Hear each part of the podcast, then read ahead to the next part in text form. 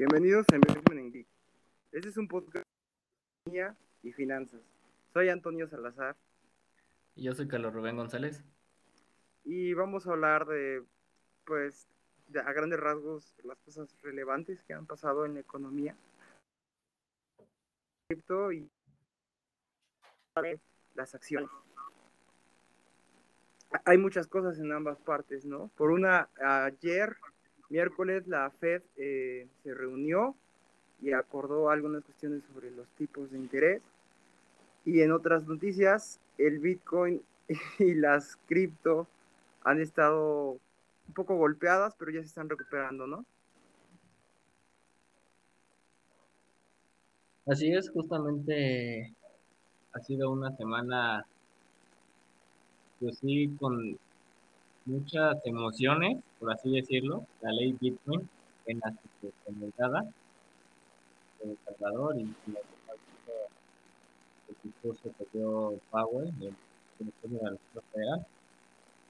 Así Un es. sí, sí. poco con sentimientos encontrados en ambas, ¿no? O sea, como que opiniones divididas. Es Para- verdad. Sí, y, y realmente, bueno, han, han dicho que aproximadamente como en un mes van a volverse a reunir, ¿no? Así es Creo que, que ¿te por agosto ya. Ajá. Hablamos primero, si quieres, de uno o, o Creo, que está interesante hablar de las cripto. Creo que es lo que está de moda ahorita. Y ya luego, si quieres, podemos hablar de MC. y así. Ok, sí, bueno, entonces empecemos por, Por las cripto. ¿Qué tenemos? por las criptos. Hace una semana, Ajá, justo una semana el 8, ok. se, Nayib Bukele, el presidente de Salvador, aprueba la ley Bitcoin, dándole a esta criptomoneda el, opera, un- la, la oportunidad de operarse como moneda de curso legal dentro del país de Salvador. Ok. En realidad es muy, o sea, ahorita promulgó, en realidad son dos cuartillas con 16 artículos, o sea, es muy, muy breve, pero sí tiene varios puntos que creo que sí deberían resaltarse en, en este podcast porque la verdad, como que po- podría representar, Resulta interesante cómo América Latina, porque no solo es, o sea, sí, en, en ese sentido, eh, Salvador lleva un poco de, de delantera, pero me parece que otras legislaciones, digo, un poco más pequeñas, han intentado también, ¿no? Panamá, eh, Brasil, etcétera. Digo, no han llegado a ese nivel porque probablemente no tienen la mayoría eh, como partido, pero es interesante cómo América Latina se está, pues está dinamizando, ¿no? Y yo creo que también la parte del Salvador, pues el 25% de sus ingresos son por eh, reservas, ¿no? Eh, por- bueno, por remesas, así es. Entonces, esa- esas remesas, eh, de alguna manera, pues tienen mucho cash, ¿no? Entonces, sería interesante si en algún punto los, los salvadoreños van a mandarse Bitcoin desde Estados Unidos o algo así.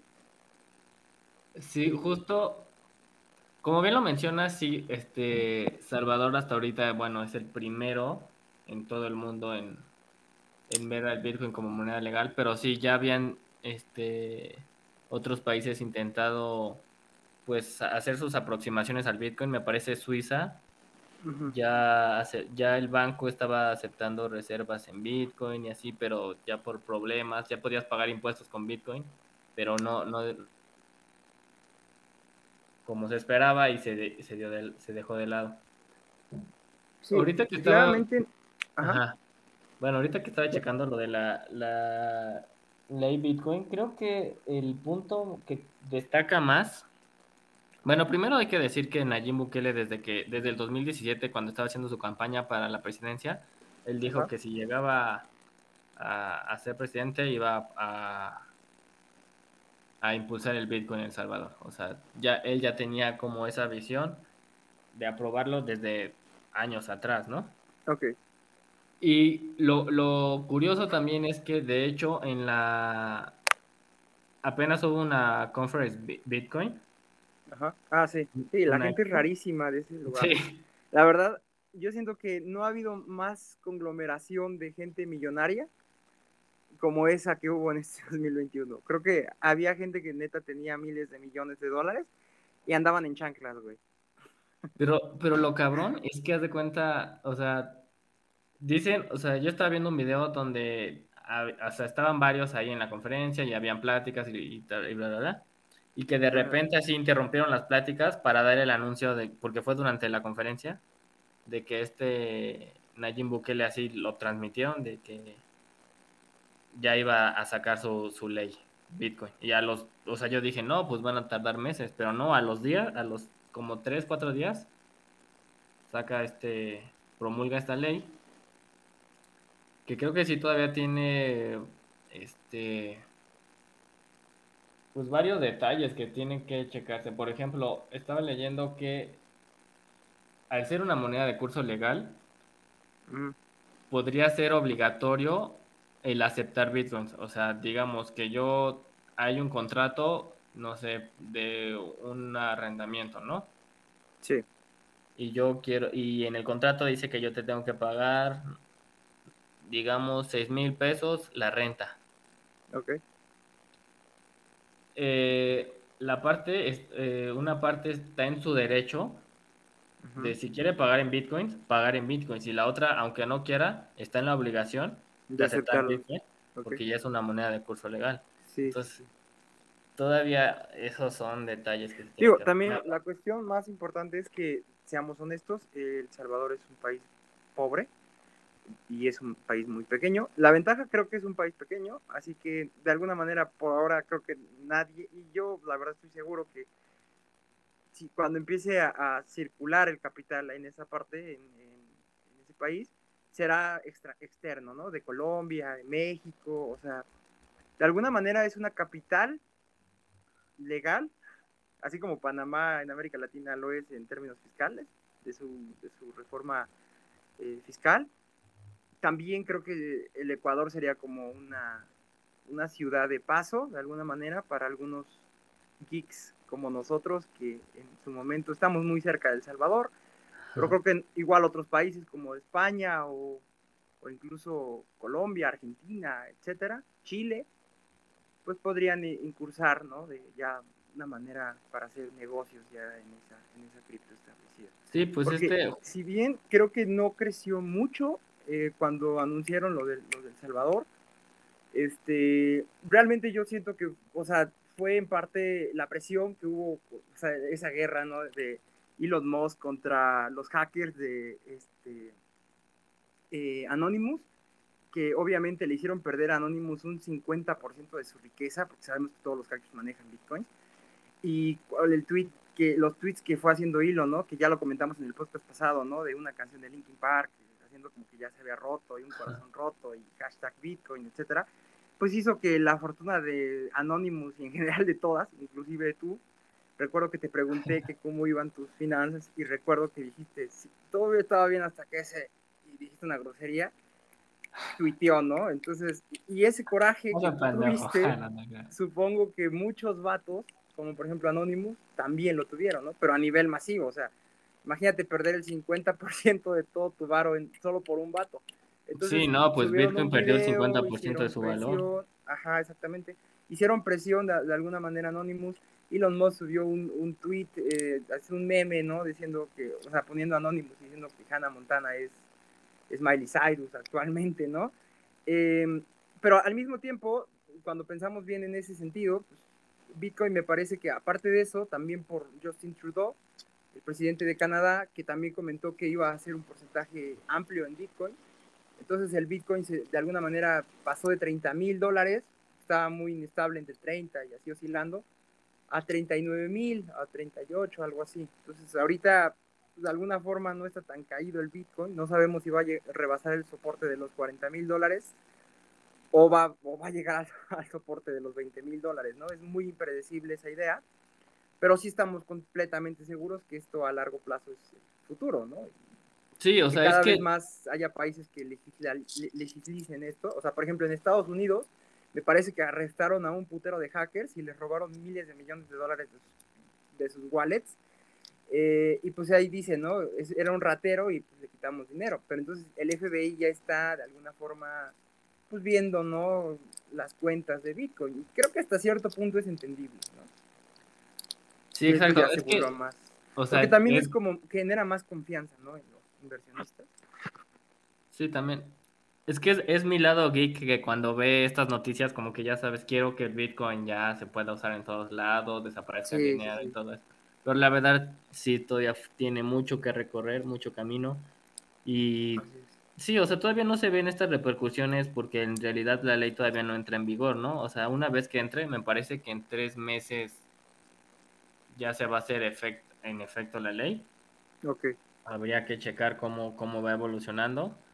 Y, también las, la verdad le faltan problemas a futuro, ¿no? O sea, que la ciencia ficción no predice el, el no, no, predice el automóvil, pero predice el tráfico, ¿no?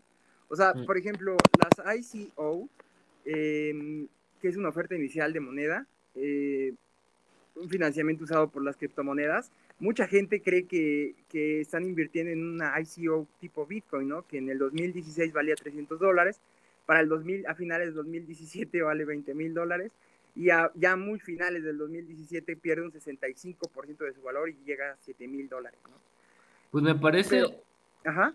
Pero que siento que eso, eso puede generar mucha ignorancia y, al hecho de que hay un chingo de criptos que están basadas en el protocolo de software de Satoshi Nakamoto. Del es que, ¿sabes? hay 4.500 eh, cripto, o tú les llamas shitcoin algunas, el 85% de estas cripto están basadas en el protocolo de software de Bitcoin en las ideas de las funciones hash. Mira, ahí tengo dos opiniones divididas. Una puede ser como, digamos, el sistema eléctrico. Nadie tiene idea, o sea, la, la, gente no tiene idea cómo es que funciona, cómo llega la luz o la electricidad cuando prendes el interruptor, ¿no? Pero todos lo usamos. O sea, siento que en un futuro el Bitcoin, o sea, tal vez la gente no entienda lo que hay detrás, pero ya va a ser como de, sí, toma, te pago con Bitcoin. O sea, siento que ya va a ser automático. Pero sí, por otro lado, estaba leyendo, por ejemplo, muchos comentarios del tuit de Nayib Bukele, el presidente de Salvador, y muchos salvadoreños dicen, oye, es que yo la verdad no siento, no, no siento que tenga ahorita... El, nivel económico. Ajá, o sea, yo, si me pagan a mí con... ¿Qué es? Yo no sé qué voy a hacer con esa criptomoneda, o sea, no sé con qué me están pagando. O sea, no tengo wallet, bla, bla, y, y eso también representa un problema la infraestructura, o sea... O sea, más bien la ventaja es que están ya, o sea, de alguna forma fueron pioneros en América Latina, ¿no? Sí, bueno, es un arma de doble filo, porque pueden ser el primero, pero pueden ser el primer fracaso. Exactamente. O sea, la verdad es que sí está... porque, por ejemplo, tenemos, o sea, por ejemplo, hablando, ¿no? Muy, que también ya lo mencionamos en un podcast pasado, em, cuando, cuando Bitso llegó a 2.500 millones de dólares, no hay ninguna, no hay ninguna exchange en, América Latina que haya generado eso. Ninguna, ¿no? Y eso fue en México, y eso que todavía no, o sea, la verdad, nuestra política está. No vamos a hablar de política, pero, o sea, hay mucha diferencia en ese sentido, ¿no? Pero aún así somos un peso muy fuerte en América Sí.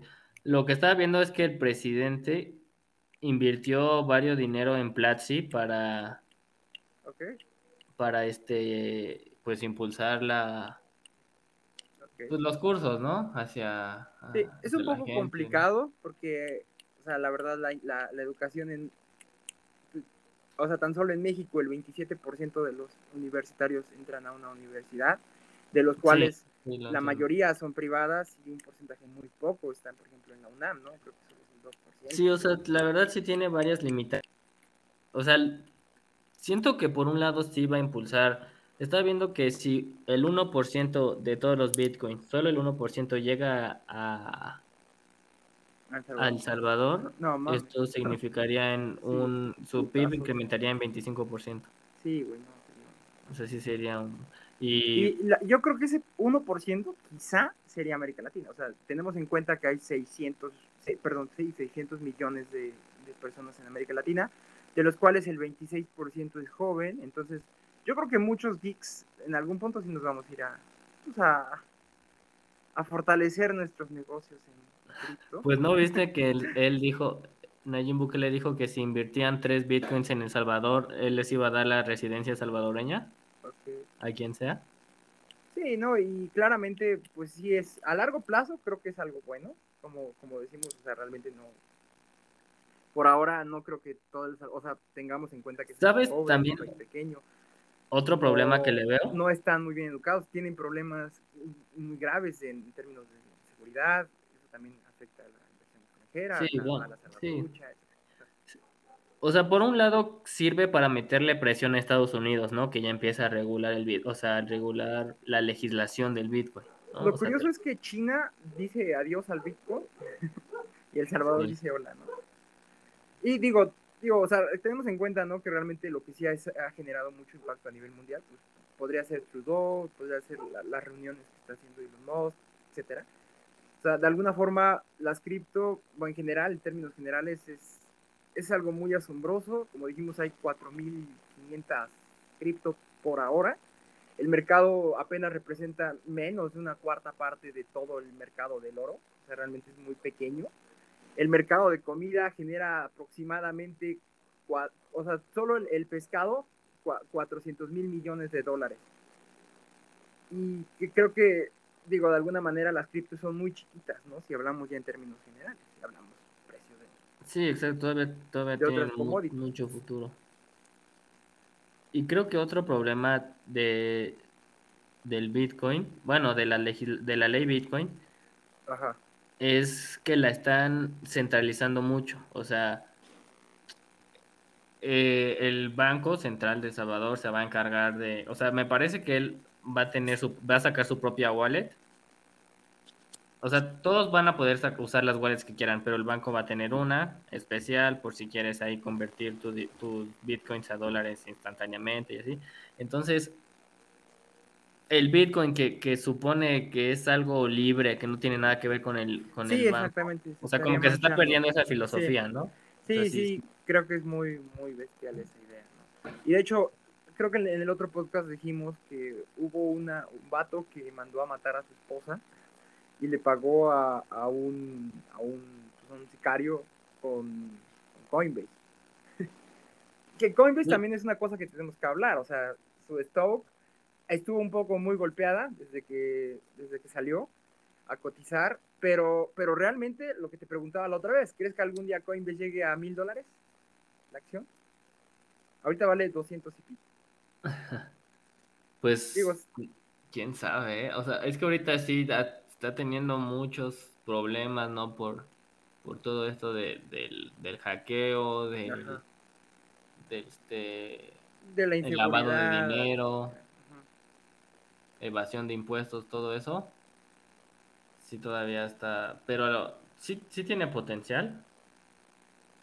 Y es que también su, su este, la inflaron demasiado cuando fue su IPO.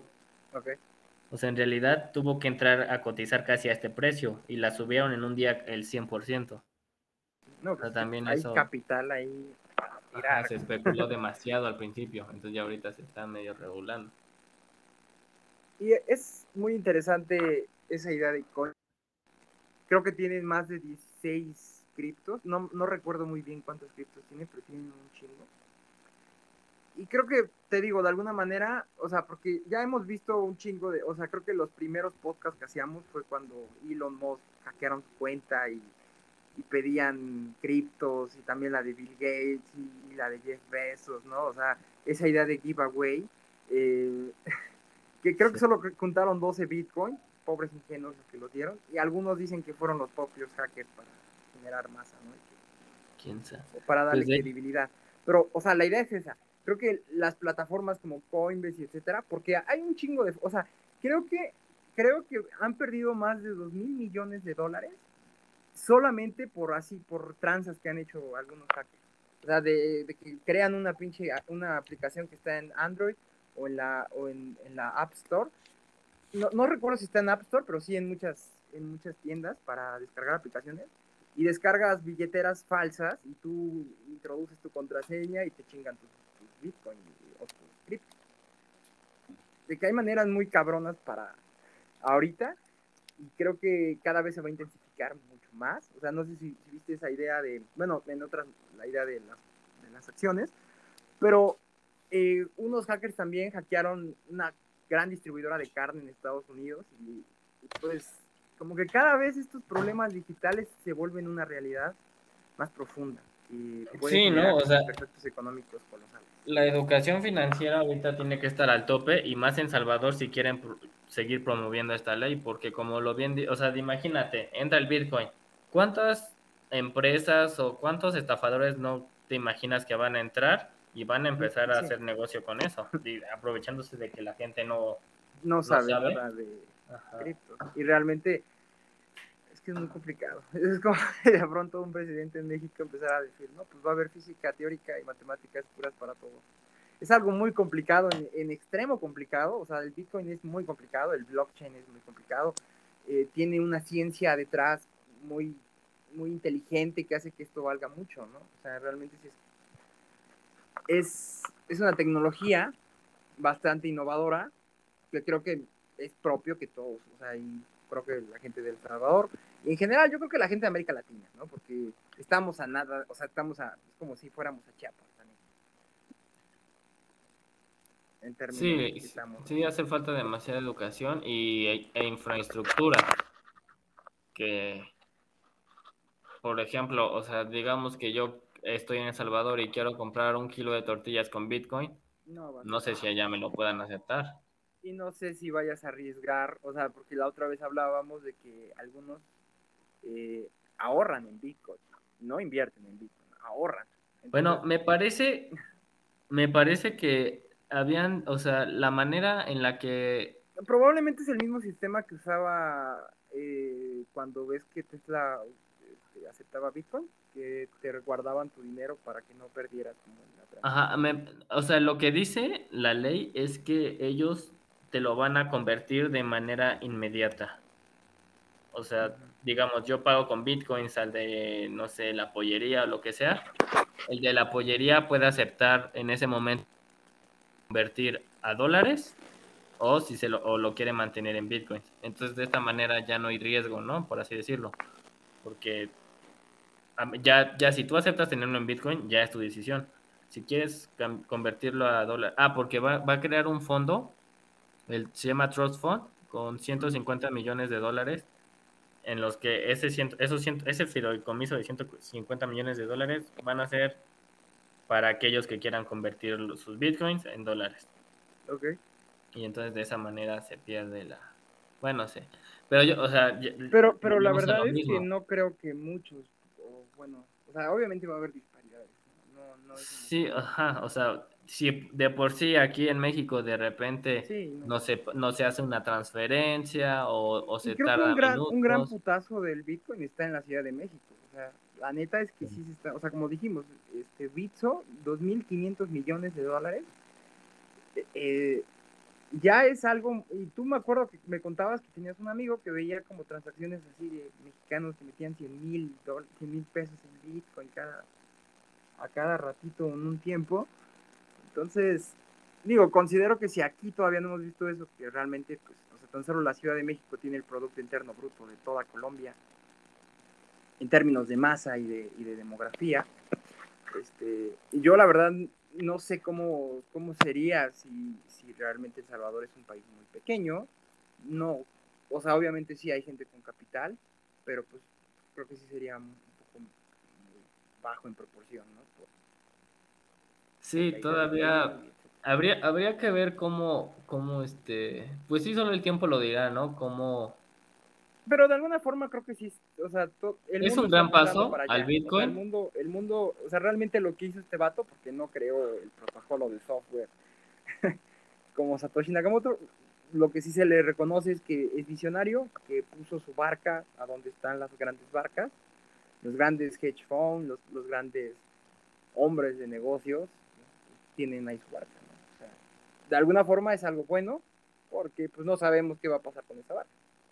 Lo, lo más probable es que va a incrementar mucho, porque como te decía, realmente a comparación del, del oro es una mamada lo que, lo que vale el, las cripto, incluyendo a todas las cripto.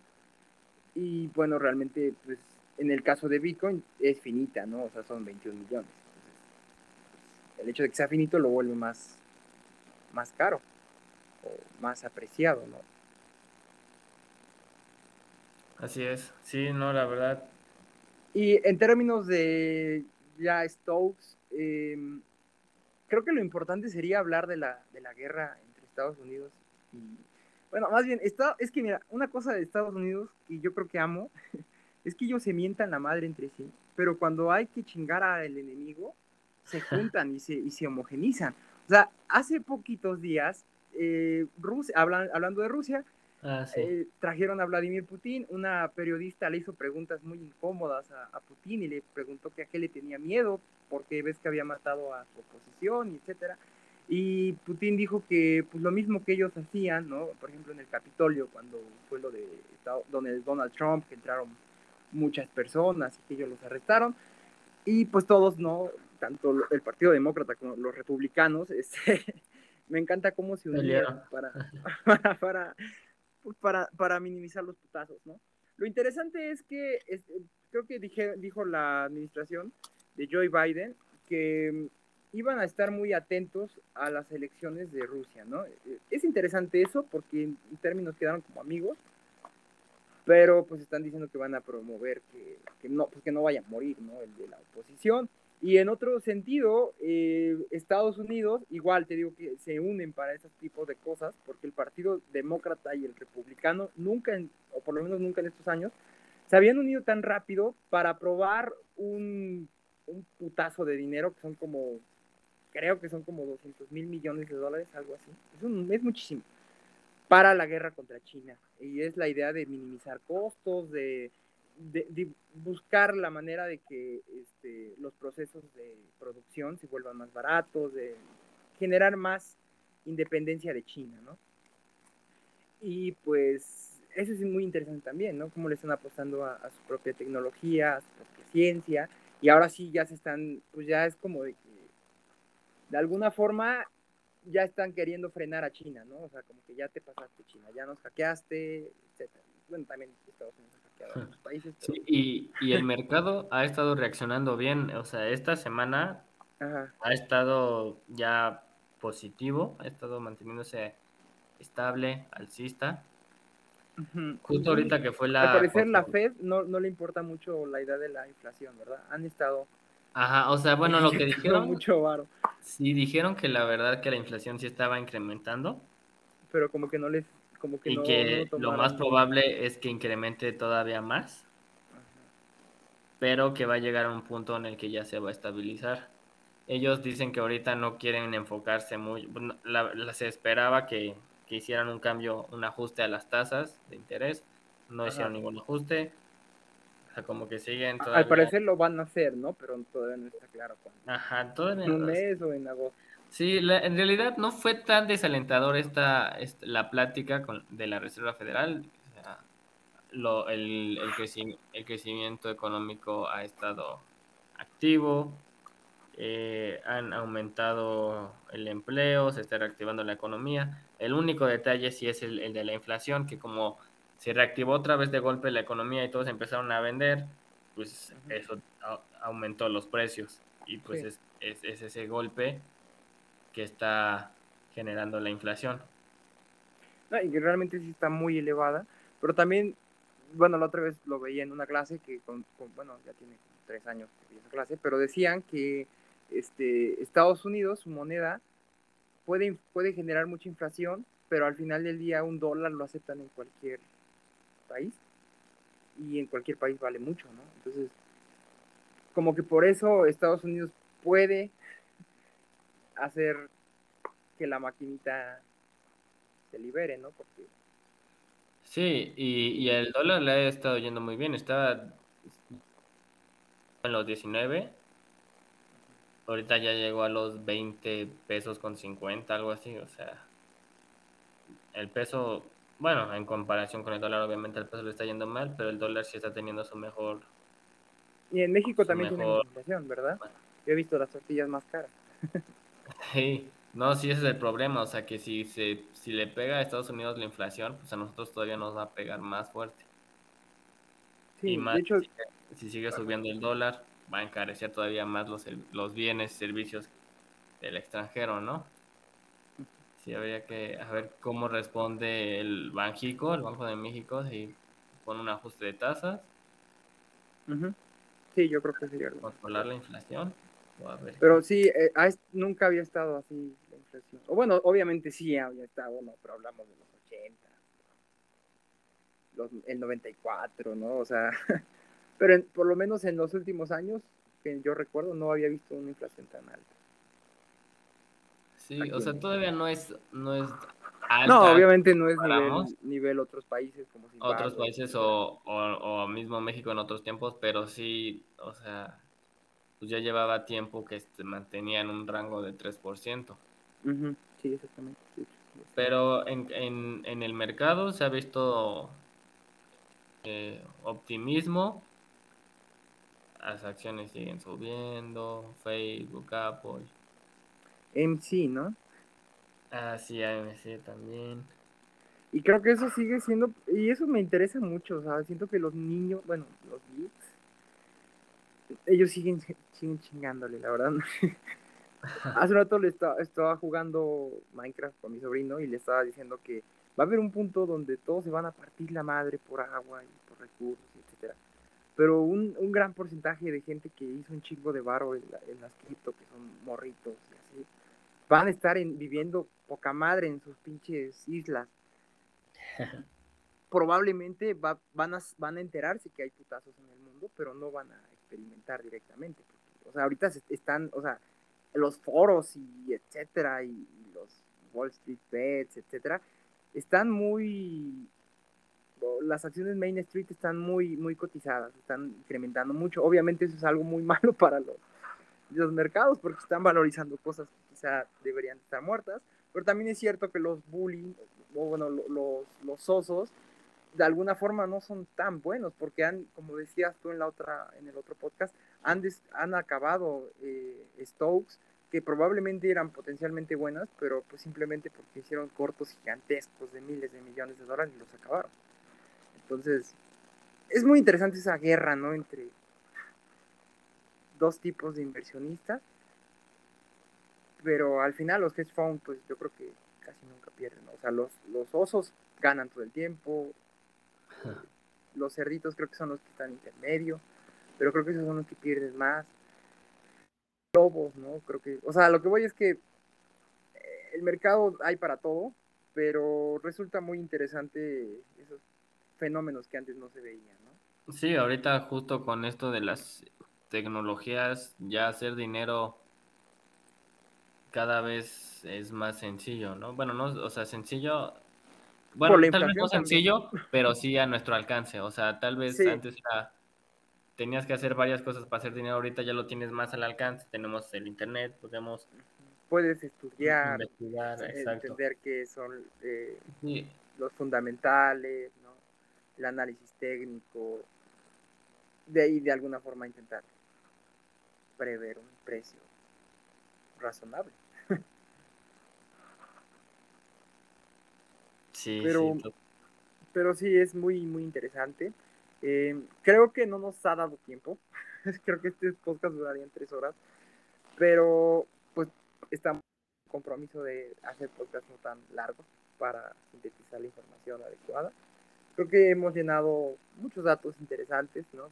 El caso legislativo, ¿no? De de lo que está pasando en El Salvador, porque mucha gente ha estado hablando de El Salvador. Algunos han dicho que no ha sido realmente algo, pues como que no es algo que haya hecho que el Bitcoin subiera así cabrón, pero de alguna manera creo que es algo pionero y creo que es propio comentarlo. Eh, y, pues no sé, creo que es este podcast en ese sentido solo fue como la, pues sí, como contar lo que está pasando de una manera un poco más profunda, ¿no?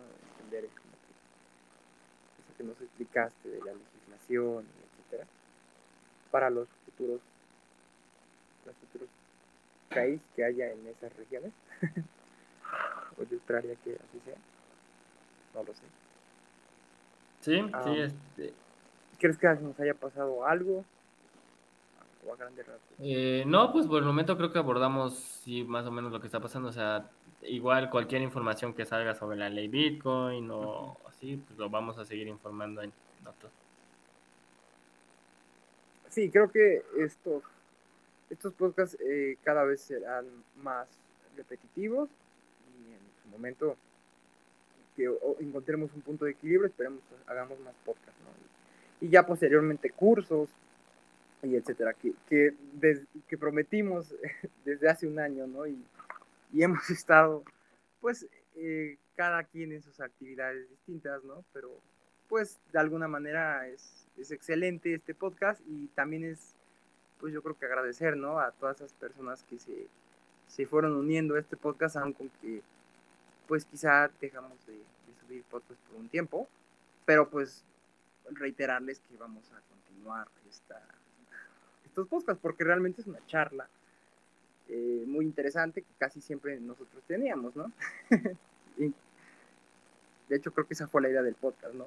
Siempre platicamos de finanzas y de economía y pues es como es propio, ¿no? Que más gente nos escuche y, darle los datos más relevantes del mercado, ¿no? que por lo que veo es el futuro de mucha gente.